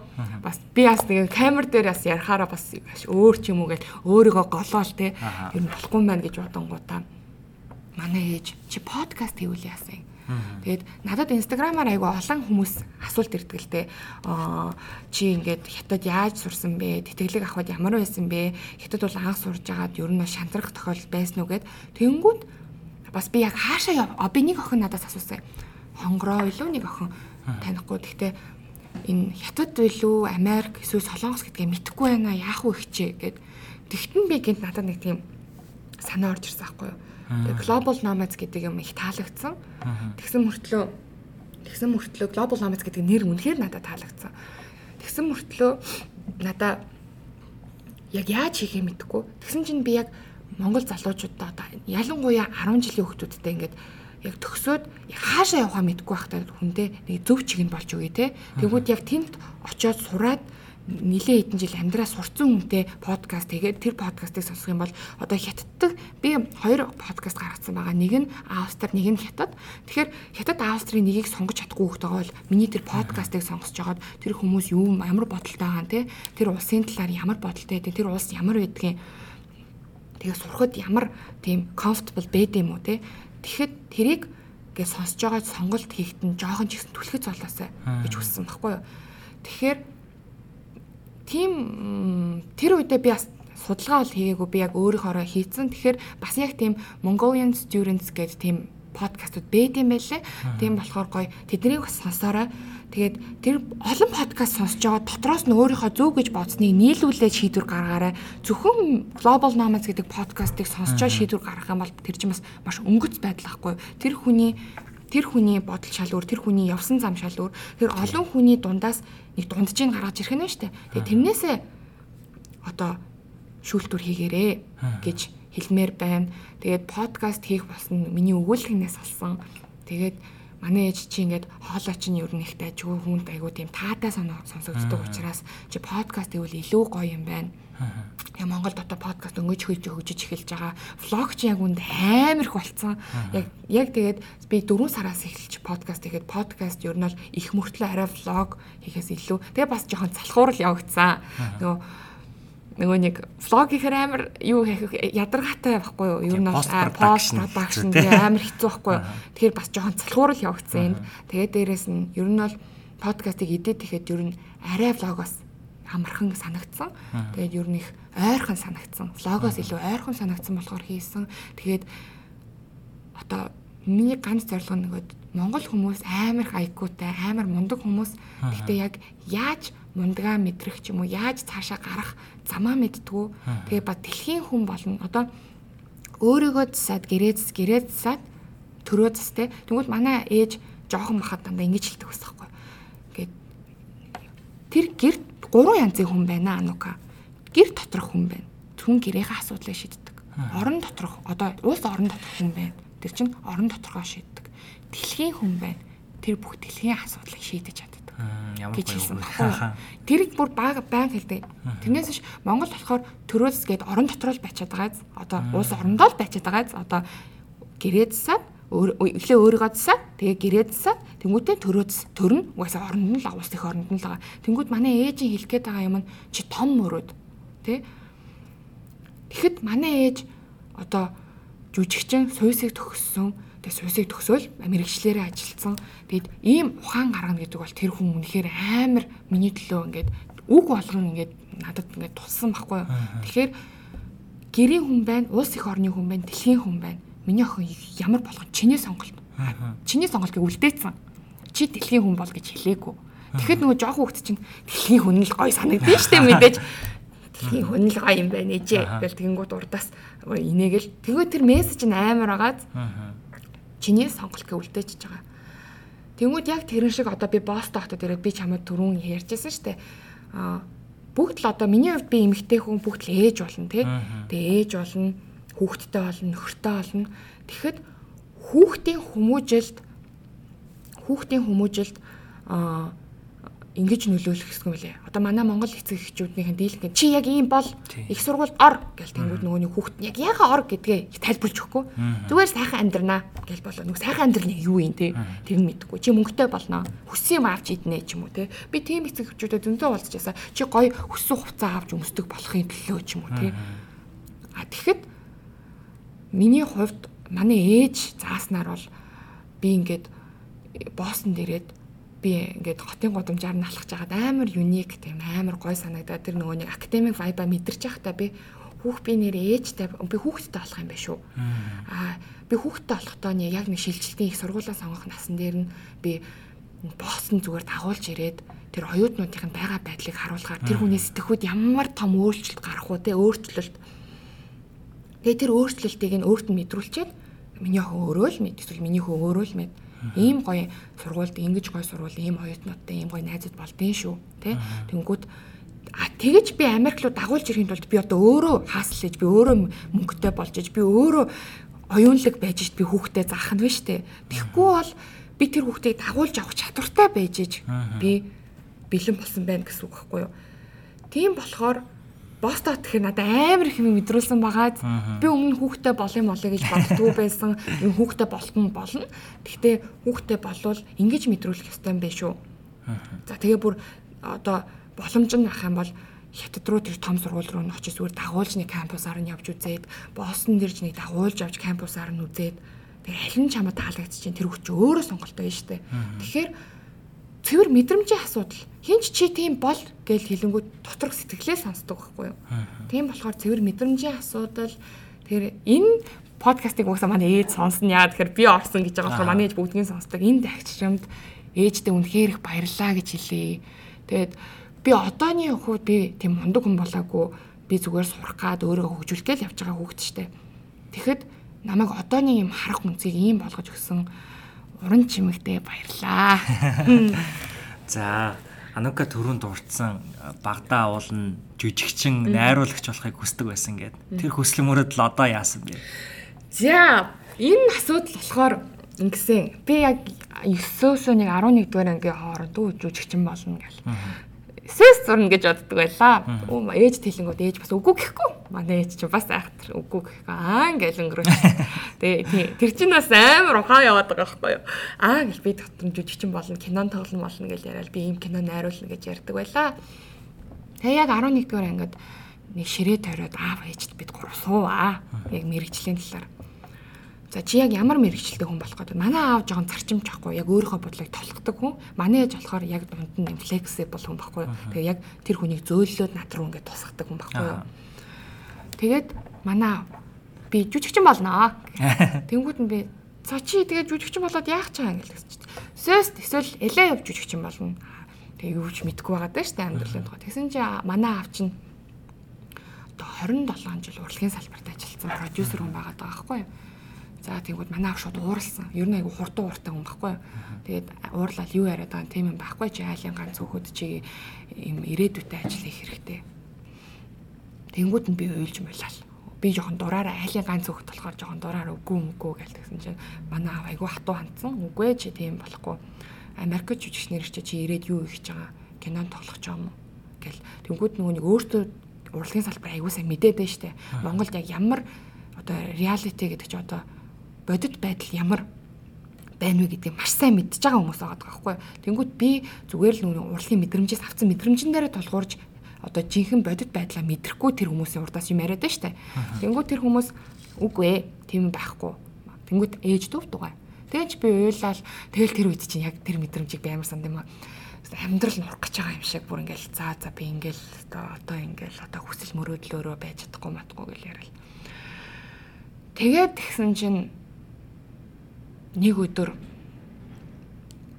за би энэ дээр яг тийм шуд тийм айгуу тийм шудраг юм а шудраг шээ тийм өрөвдөлтэй нэг тийм ugly truth гэдэг одоо монголоор юу гэх юм бэ тэрийг яриа. За. Тэгээд тэгсэн чинь тэрний дараа манай ээж манай ээж бол чимээг байсан. Тэгээд тэгсэн чинь манай ээж драмын театрт драмын театрт нөгөө нэг юу ингээд бахан жүжигчд хурал хийдэг байхгүй юу? Тэгээд драмын жүжигчд. Кино жүжигчд шүү, драмын жүжигчд шүү. Тэгээд хурал хийгээд яг тойроо суужсэн чинь аа жүжигчд барьчихсан нөгөө драмын чатраас яг нэг жил амьдруулах байр өгдөг байгаа байхгүй юу? Жүжигчдэд. Тэнгүүтээ тэнгүүтээ дараагийнх нь хүнд нөгдөг сайн ажилласан хүнд нөгдөг тэгсэн чинь тэр үед ингээд тэр байрыг авахын төлөө золонгоо ярддаг жүжигчд тэгэхэд надад амар өрөвдөлтэй санагдчихсан. Тэгээ Монголын урлаг ямар амар дорой төвшөнд явж байгаа юм бэ те?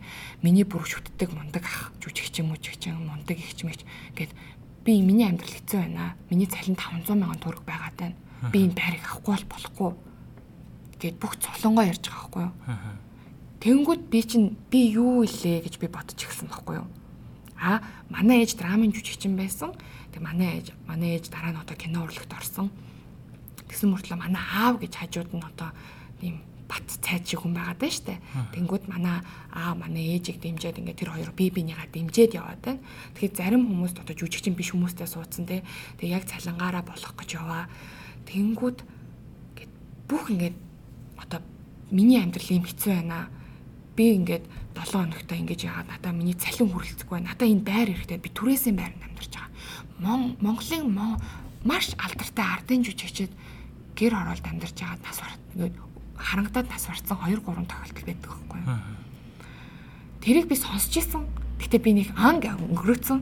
А тэгсэн чинь яг тэр үед орсон чинь ингээд би пөөх гэд надаа надаа бүр амар цохилт болж ирсэн байхгүй юу. Тэнгүүд би яагаад олон улсын худалдаа гэдэг мэрэгжил сонгох болсон бэ гэхээр би энэ нийгэмд энэ урлаг гэдэг салбарыг хөгжүүлэхэд маш том нөлөө үзүүлэх хүн болох хэрэгтэй юм байна. Тэгэхээр манай ээж нөгөө нэг чи өөрөө л мэд дэлхийн хүн болно өөрөө л мэд гэдэг шиг би дэлхийн хүн болмоор байна штэ. Тэгэхээр одоо би global nomads гэж яагаад тэрсэн бэхээр манай монгол хүмүүс бүгд дэлхийн хүмүүс болж чадхаар хүмүүс аахгүй юу? Потенциал нь байгаа. Бүр асар их байгаа. Жохон залхуу. Тэг жохон өөрийнхөө төлөө хичээдгүү. Тэг жохон назгай. Тийм болохоор энэ подкастын гол санаа нь дэлхийн хүн болж чаднаа. Бид нэр глобал нүүдэлчд шүү. Ганцхан Монгол гэхгүй бүр дэлхийн хүмүүс болж чадна. Дэлхийн бүх юмыг өөртөө шингээе, сайн сайхныг шингээгээд тийм болохоор энэ бол миний подкастын нэг санаа нь байгаад байгаа. Нөгөө санаа нь болохоор одоо би нөгөө нэг жүжигчин тэр үед би ингэж болохгүй болохгүй юм байна гэдэг болж байгаа хгүй. Тэнгүүд миний одоо цаашдын хамгийн ихтийн зорилго одоо миний бүр дээд цэг гэж яриа штэ хүний дээд цэг бол юу вэ гэхээр над шиг энэ нийгмээсээ болоод жүжигчин болохоо болцсон хүмүүс маш олон байгаа хгүй юу. Маш их авьяастай байгаад байгаа мөртлөө ээж аав нь амьдралыг бодоод чи нийгмээсээ болоод болохгүй байна. Урлаг ойлгохгүй Монгол гэснээсээ болоод хүсэл мөрөөдлөө хайцсан, зорилгоо хайцсан. Зарим нь бүр үнэхээр зурлагын төлөө ингээд кино үзэхээр бүр цохлоод байна штэ. Тэгэхэд тэр цохилт нь шал өөр өглөө алган нэг тийм эдийн засагч юм уу те. Эсвэл ямар нэгэн шал шал өөр мэрэгчлэр сэрэл дуртай дургу хийдэг хүмүүс болохоор Монголын улсын хөгжилд яаж нөлөөлөх вэ? Ямар ч нөлөө байхгүй. Дургу ажиллаа хүн яаж хийх юм амжилттай хийхгүй шүү дээ. Тэгэхээр пашн байхгүй болсон гэсэн үг. Тэгэхээр би энэ мэрэгчлэлтэй амар хайртай. Яагаад тэгэхээр би зоригтойгоо ингээд холбогдсон болохоор би одоо худалдаагаар сураад цаашдаа мастер Америкт яг кино менежмент гэж байгаа. Арт менежмент гэж байгаа. Тэрнгээр мастераа сураад тэнгуүтээ би хятад хэл англи хэлтэй болчихно доо. Тэнгуут би хятад руу кино Монголд хийсэн кинонуудаа зарах нь байна. Тэнгуут яг ингээд сайн өөртөө суугаад өөртөө ингээд research хийгээд судлах юм бол маш боломжтой байхгүй юу. Тэгэхээр нөгөө хэлний мэдлэг Монгол кино одоо монгол киночдод хэлний мэдлэг бас тэр нэг тийм онлын мэдлэг маш тутмаг байдаг. Яагаад гэвэл сүйс заадгүй. Тийм болохоор онлайн мэдлэгээ мэдчлээ. Надад урлагийн мэдрэмж нь байна. Тийм болохоор нийлүүлээд тэг манай ээж тэнд киногоо хийж гин. Би тэр киногийн цаашдаа зарах мэрэгчлээ би өөрөө хийх нь байна. Тэгэхээр энэ бол миний маш том зорилго мөрөөдөл. Одоо би хүрнэ л гэж бодож байгаа. Би бол би бол өөрөө хүн болно гэж бодоод өөрийнхөө төлөө яг тэрнийхээ төлөө шантрахгүй зохиод юу ч болно бүтнэ л гэж би боддог. Тийм болохоор яг миний мөрөөдөл урлагтайгаа ч холбоотой, менежменттайгаа ч холбоотой байгаа байхгүй юу? За өнөөдөр Анукагийн ярианаас би нэг одоо гүн ухаан философч гэх юм уу тэрийг ер нь бас олж харж ийн л да. Зөвөр одоо подкаст маань дүгнээд хэлэхэд тэрний юу гэхээр дэлхийн хүн гэхээр бидний яг хамгийн анхны өнгөцгөн ойлголт бол дэлхийн дунд ингээл аваарал амьдэрдэг хүнийг бодох юм болов гэж те. Гэтэл яг Анукагийн ярьж байгааг сонсохоор болохоор дэлхийн хүн гэдэг чинь дэлхийн хэмжээнд амьдарч байгаа. Гэтэ үнэхээр Монголоо таньдаг, өөрийгөө хинбэ гэдгийг мэддэг.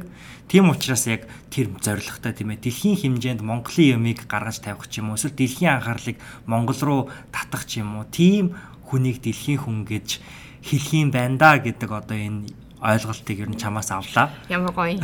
Тийм учраас бас надад болон манай сонсогч нарын энэ ухааныг тэлж өгч жагаад тэлж өгсөнд маш их баярлалаа гэж би хэлмээр байна. Ямар гоё за баярлалаа. Тэгээд э, ялангуяа тэр ээжид чинь одоо хэлж исэн үг те одоо биеца гэрэц гэрэцэ төрөөс гэдгийг бол би хизээч юусоо тэгэж бодож байгаагүй юм байна. Тийм учраас бас нэг юм өөр харах өнцөг өгч байгаад маш их баярлалаа.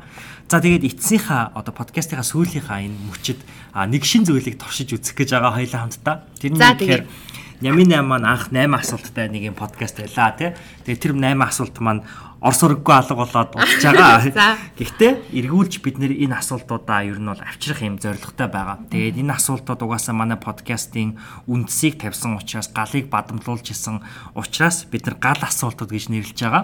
А хоёр дахь бас гал асуулт асуултууд гэж нэрлэж байгаа шалтгаан нь юу вэ гэхээр энэ асуултуудад анука хурдан хурдан хариулж явах хэрэгтэй. Нэг юм уу хоёр үгээр эсвэл нэг юм уу хоёр өгүүлбэрээр ч юм уу те. Магадгүй 8 минут. Хоёулаа цаг тавиад үзье. Цаг тавиад хоёулаа үзье. Тий. За тэгээд хэрвээ энэ асуултууд ямар асуултууд вэ гэж гайхаж байгаа бол бид нэр Gogo News Agency-тэй хамтраад манай подкаст маань хамтарч ажиллаж байгаа. Тэгээд 7 хоног үнэлж дүгнэх шалгарсан аргууд гээд одоо Gogo дээр байгаа. Бас подкаст маань байгаа. Түүнийг бол хараад хэлж болно. Одоо асуултуудыг өөрөөсөө асууж болно тийм. За тэгэхээр хамгийн ихний асуулт. За цаг явсан шүү. За хамгийн ихний асуулт. Амьдралын чинь сүүлийн үед тохиолж байгаа хамгийн талархам зүйл. Талархам зүйл миний танилцж байгаа бүх хүмүүс. Яа тэгэхээр миний танир танилцж байгаа чамд бас амар талархаж байна. Би баадууд амар талархаж байна. Лавгад амар талархаж байна. Соолоод амар талархаж байна. Заяад амар талархаж байна. Би яа тэгвэл намайг дандаа энэ дандаа сайхан хүмүүс хүрээлж идэг гэж би дандаа хэлдэг байхгүй яа тэгэхээр би яг үүндээ нэг амар муухай хүмүүст уулздаггүй би нэг тийм нэг зарим хүмүүсээ сонсоход амар хэцүү хэцүү хүмүүстэй уулзсан байдаг. Миний дандаа эргэн тойрны бүх хүмүүс өнгөрсөнд ч байсан хүмүүс, одоо ч байсан хүмүүс маш сайхан хүмүүс байдаг. Тэгэхээр тэр бүх хүмүүстэй талархлаа. За сүүлийн үед ер нь бол амьдралд чинь айгүй юм бодогдуулсан контент юу байсан бэ? Бодогдуулсан контент хоёр байсан. Баяр сайхан ахтай хийсэн чиний Сэхэтэн подкастын нэг контент байсан. Аа тэгээ нөгөөх нь болохоор Will Smith-ийн нэг YouTube vlog байсан. Тийм үү? Тийм. Will Smith-ийн YouTube vlog-ыг шалгаарай. За хамгийн их сүүлийн үед хийж үзээд сэтгэлийн таашаал авсан зүйл байсан бэ? Хүнтэй ярилцаад аа яг сүүлийн яг Миннесород ирээд ярилцах тэр тэр ширээгээ ториод ярих, машинд ярьсан ярианууд надад амар тийм pleasure амар гоё болж өгсөн. Одоо миний сэтгэлгээг тэлэх байсан. Тэгээд ер нь тэр ярианууд их гоё байсан. Одоо communication. За бусдаас ажигласан аль эсвэл өөрийнхөө амьдралд хийхийг оролдож байгаа зөв дадал зуршил. Би бол юу яаж байгаа их унтахгүй байхыг хичээж байгаа. Яа тэгэхээр би амар их унтдаг байхгүй юу. Тэгээ ер нь бол нэгдүгээр курс нилээ их унтаж өнгөрүүлсэн. Тэгэхээр одоо л яг ингээд завгүй байхаар яг унтах гэдгээ мартчихсан байлээ. Тэгээд ер нь бол 5 6 цаг унтаал босчихж байгаа. Тэгээ ер нь бол тийм унтах унтах гэдгийг болоод гэтээ яг 5 6 цагийнхаа нойрыг авах тийм дадал зуршилт амар тэгэхээр амар их юм бүтээдэг болчтой юм лээ. Аа. За сүүлийн үеийн амьдралд нь гинт гарч ирээд ч юм уу эсвэл эргэж уулзаад ч юм уу өөртөө чинь хамгийн их нөлөө үзүүлсэн хүн юм байсан бэ? Баярлалгаар. За баярлалгаар. Би баярлалгаар найзтайгаа 4 жилийн өмнө 4 жилийн уулзаагүй. Гоо 3 жил уулзаагүй. Тэгээ бид хоёр бүр баг бүр 9 наснастай эхэлж найзлаад байрны найзууд байж байрны найзууд байжгаад тэгээд бид хоёр яг 3 жил уулзаагүй жоод уулзгаад яг тэр хിവэрэ мэд яг хിവэрэ заяо. Яг тэр жоохон байхад авч исэн мэдрэмж хിവэрэ байна гэдэг чинь амар гоё ахгүй юу. Тэгэхээр тэр мэдрэмж амар гоё байсан. Тэгээд айгуу тийм реалистик бай. Тэгээд а манай найз эготой байж болохгүй шүү. Эгогоо бити хэтрүүлээрэ бүх юмыг баланслаарай гэдэг үг нь надад амар нөлөөлсөн. Энэ 7 хоногт ер нь сүүлийн үед өөртөө өөрийнхөө амьдралд гаргасан амжилт. А би GRE-гийн сургалтанд суусан. Тэгээд GRE-гийн сургалтанд суугаад мастерын сургалтанд сурсан чинь манай сургуулийн захирал өөрөө би чамаа recommendation letter бичиж өгмөр байна. Чи ингээд you were like breath like fresh breath in Kaplan гэсэн байсан. Чи бол шинхэн одоо air а тий шинхэн тийм амьсгаа байсан шүү. Чи ямар гоё үг. Тий. Тий тэгээд бичсэн байсан. Тэнгүүт нь би бүр амар сэн болоод тэг надад recommendation letter өгч байгаа. За а хүн болгоны амьдрал ондоо байдаг тийм ээ. Тэгэхээр чиний амьдралд ер нь сүүлийн үед чи өөрөө олж харсан ухаарл сургамж юу байсан бэ? Бүх юмыг өнгөцгөн дүгнэх ёсгүй байна гэж бодсон. Яагаад гэхээр би айгуу тийм сэтгэлийн хөдөлгөөнөөр хүнийг шийддэг, хүнийг ийм юм байна да гэж боддог хүн байхгүй юу? Үгүй дандаа ярилцаж үзчихэж тэр хүний цаадах нь юу байна? Тэр хүн одоо нэг юм номоо ч юм харагдангууд би тэрийг нормал юм байна гэж дүгнждэг штэ. Тэгэж дүгнэж болохгүй юм байна шүү гэж дүгнсэн. Бас хоёр дахь ухаарлал нь болохоор Төрөнийг эгогийн тухай ярьсан штэ. Хүн хувь хүн би мундаг гэж бодох үзлээ баланслах гэдэг талаар их ухаарж байгаа. Яагаад тэгэхээр хүн хүн өөрийнхөө өөрийнхөө жижигхэн амжилтанд туйлшраад би мундаг гэд бусдыг тоохгүй хүн чанараа гээгээд эхлэх юм бол тэр амжилт амжилт биш болд юм байна шүү. Эгогоо дард сураарай. Хүн эготой байх ёстой. Гэхдээ тэрийг баланслах хэрэгтэй. Зөв эго юу, буруу эго юу гэдгийг амар тийм ухаарж ухаарж байгаа гэх юм уу? Яг сураагүй ухаарж байгаа. За үнэхээр гоё гоё хариултуудыг маш богино хугацаанд өглөө. Ойлоо ер нь бол баг 4 минутанд л багтаачих шиг боллоо. Тэгээ одоо бол 8 дахь асуулт байгаа. За энэ болохоор миний энэ подкастын хамгийн сүүлийн асуулт байх болно. Тэгээ тийм учраас манай подкастт зочноор оролцсон Анукада маш их баярлалаа. Баярлалаа.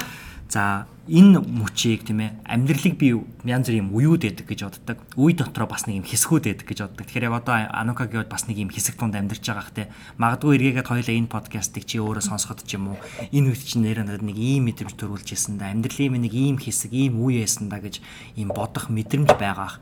Тэгэхээр энэ 8 дугаар асуулт бол юм хоосон орон зай байгаа. Магадгүй энэ 7 хоногийг ерөнхийдөө юу гэж дүгнэх бол юу гэж ирэхэд дурсаж санах бол тийм ээ энэ подкастн дээр магадгүй манай бас сонсогч нарт юу гэж захиж үлдээх бол өөрийнхөө амьдралаас ер нь юу ярмаар нь хүснээ яриад. Хүснээ ярих юм уу? Тийм. За нэг бүх зүйл талархлаа. дахиад ээж аавдаа баярлалаа. Намайг ингээд Америк улсад ингээд би ийшээ сурмаар байна гэхэд боломжийг өгдөг аавдаа баярлалаа. Манай аав чинь ер нь миний ард дандаа ноён нуруу, миний асаалтай трактор ер нь бол миний ер нь аавынхаа эрх дураараа охин нь тийм болохоор аавдаа баярлалаа, ээждээ баярлалаа. Тэгээд хамгийн эхэлж хэлэх юм нь ээж аваахаа үгийг сонсоорой гэж хэлмээр байна. Яа тэгэхээр ээж аав чинь чиний төлөө амар үг хэлдэг. Чамд хизээч муу яваасаа гэж хэлдэггүй.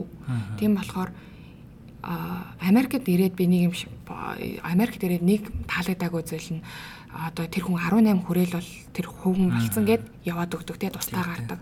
Тэнгүүтээ Аз хүмүүжил чи ер нь л ээж авлага байн эргэж сахих ээж аав нь биеийн яаж ийн атлист одоо манай ээж ямар материалтай бодолк өмсөж чинь биеинд нь эвтэйхэн байна уу гэж боддгоо ард юм баггүй юу. Аз хүмүүжил Аз эмгтэй хүн гэдэг чинь одоо манай ээж байгаль байхгүй эмгтэй хүн одоо Аз хүмүүжил гэдэг бол миний одоо манай ээж дандаа хэлдэг байхгүй эмээ чинь ямар нойлын цасаар бөксөө харчиж байгаа бол тэр нь хатуу байна уу зөөлөн байна уу ямар зөөлөн материалтай бандаж өмсөж байгаа бол гэж дандаа манай ээж санаа зовдөг байхгүй юу. Тэгэхээр энэ бүх ярьж байгаа юм надад энд ирээд юу гэхээр энтэй ерөөс авцлахгүй байгаа за Америкийн нийгэм ерөөсөө тийм би биний харах гэсэн ээж аваагаа ингээд түших гэсэн зүйл байхгүй болчихж байгаа байхгүй. Тэгэхээр монголчууд жоохон Америкч гад байгаа. Одоо Америк соёлыг өөртөө амар буруугаар тусгаж аваад хитрхи задгаа болоод тэг хитрхи дураараа болоод үгүй штэ бид нар ч монгол хүмүүс. Эрт дээрүүсээ монгол ёс цаашлаа гээхгүй байх хэрэгтэй байхгүй юу. Гэхдээ зөвийг аваад гэдэг шиг зөвийг авах хэрэгтэй. Тийм болохоор ээж аваагаа дандаа хайрлж байгаарэ. За тэгээд хоёр дахьт нь болохоор гээд би бинийхээ амжилтанд амар сайн баярлаарай. Бити ингээд ингээд тэр өста муу те энэ өста ийм юм болохоо байцсан байна гэхээсээ илүү сайн нь гэдгийг аюу эхэлж зөвийг хараад дараа нь мууг нь хараад а би ийм мууг нь алтанд гаргаж болохгүй юм байна. Тэр хүн алтчиж гэл өнгөрөөчих битгий тэрийг ингээ том сэдв болгож хүмүүстэй яар. Тэгээд алтан дээр нь бити дөрөөлөөд хүмүүсийг тэгэж дүгнэ. Хүн болгон алддаг. Одоо тийм хүн байх юм бол чи ч гэсэн алдаж байгаа. Чиний алтааг ингээл том болгоод яриад байгаа юм бол чамд таатай байхгүй л үсттэй. Тийм болохоор дандаа сайн сайхан юмн дээр нь баярлаж сураад би бинийгаа дэмжээ. Тийм болохоор одоо ингээд монгол залуучууд гадаадад сураад тэндээ амьдрна гэж ярьж байгаа. Бити тэгэж бод энд амьдраад гоё байна. Үнэхээр гоё байна. Бүх юмд боломжтой байна. Гэхдээ ягаад бид нар өөртөө боломжийг бий болгож болохгүй гэж. Тийм болохоор би тийм болохоор бид нар гадаадад сураад тэр одоо нөгөө нэг миний подкаст нэр чи ярьсан шүү дээ богцоод үргээд очино гэдэг шиг богцоонд үргээд очицгоё гэдэг шиг би тэрийг л уриалмаар байна. Тэрнээс биш ээж аваа хайрлаж байгаад хүн нэмжин сэтгэлтэй байна. Тэгээ их орноо хаяхгүй гэсэн сэтгэлтэй байх юм бол их орондоо буцаж ирэх нь байна. Энэ хоёрыг асуу асуу энэ хоёрыг л өөртөө шингээгээд авчих юм бол ер нь бол их гэрэл гэгээтэй байх баха. За нүка маш их баярлаа. Яа баярлаа. Сүүлийн үед дандаа манай подкастын зочдор бол ингээ олсын зайнаас холбогдож ярилцдаг тийм ээ. Тэгэхээр подкастынхаа зочинтой ингэж нүүр нүрээ тулж хараад ярилцах бол үнэхэрийн сайхан мэдрэмж өглөө тийм учраас маш их баярлаа. Одоо Миннеаполис хотод маань байх хэдхэн цаг одоо өөрт нь үлдсэн байна. Энэ цагаа таашаагаад сайхан аялаарэ гэж хүсье. Чамтай танилцахад үнэхээр таатай байлаа. Тэгээд гээд хамтдаа байхад ингээ гоё энерги өгч чаддаг хүмүүс би амар дуртай. Чи тэр хүмүүсийн бүр хамгийн ихнийг нэнд байлаа өнөөдөр. Сая сүүлийн нэг хоног хагаст ингээд би ингээд анх чиний подкастыг сонсчод би ингээд ийм амар тийм шал өөрөөр боддог байсан байхгүй юу. Тэгэхээр яг энэ наст миний үзэл бодол нөлөөлж байгаа. Би ингээд өөрийнхөө ботсноор ботчоод байна шүү дээ. Тэгэхээр чамтай танилцаж үзээгүй ээжэж би чамайг амар тийм дүрм журамтай ингээ ойртоход амар тийм хаалттай хүн болов гэж бод амар боддог гэсэн байхгүй. Тэгсэн чинь амар гоё. Надад бол надад амар гоё таалагдсан. Цааш тийм маань нөхөрлөлч гэсэн айгуу тийм удаан үргэлжлэх болтугай гэж ерөөс тавья. Маш их баярлаа. Ерөөс Батар шиг баярлаа. Баяртай. За тэгээ манай под миний оролцсон подкастыг World Nomads дээр энэ подкастыг сонссон бол Instagram дээр чи юм уу хүссэн газараа шеэрэгээ бид бүхэнтэй харилцаад холбогдоорой бид бүхэн харилцахдаа ярилцахдаа найзлахдаа таатай болно тийм. Таатай болно. За баярлалаа. Энэ хүрээд Сэхэдэн төслийн хүрээнд бэлтгэн хүргэдэг Нямын 8 подкастын маань 74 дугаар өндөрлөж байна. Энэ хүртэл сонссон сонсогч танд маш их баярлалаа. Тантай би ярилцахдаа, тантай холбогдохдоо, тантай хамт утга учиртай харилцаа холбоо бий болохдоо би үнэхээр их баяртай болно. Тэм учраас та яг одоо энэ хүү подкастыг скриншот хийгээд Instagram story дээр оруулаад энэ удаагийн дугаарын зочин Анука болон хөтлөгч миний бие цогт бэлгүүн дээр нарыг Instagram дээр меншн хийж таглж story дээр оруулж сэтгэлдээ хуваалцах хуваалцгаа битгий мартаарай. А манай зочин Анукагийн маань Instagram хаяг anuka0429 байгаа. Anuka 0429 а миний Instagram хаяг болохоор цогт бэлгүүн дээр байгаа.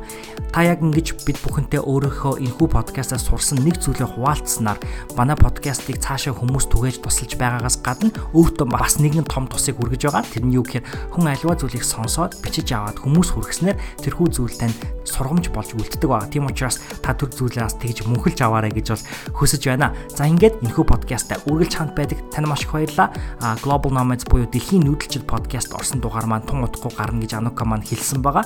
Нислэг нь хоошлогдоод янз бүрийн аяллаа адал явдлуудтай уулзраад одоо яг эх орн руугаа ирж байгаа. Одоо ирсэн байх. Тийм учраас Анукада бас эх орондоо ирсэн энэ өдрийн мэндийг та бүхэн бүгдөө Instagram-аар дамжуулж хүргээрэй гэж хүсэж байна. За тэгээд хэвлээ дараагийнхаа подкастаар иргэн уулзцгаая.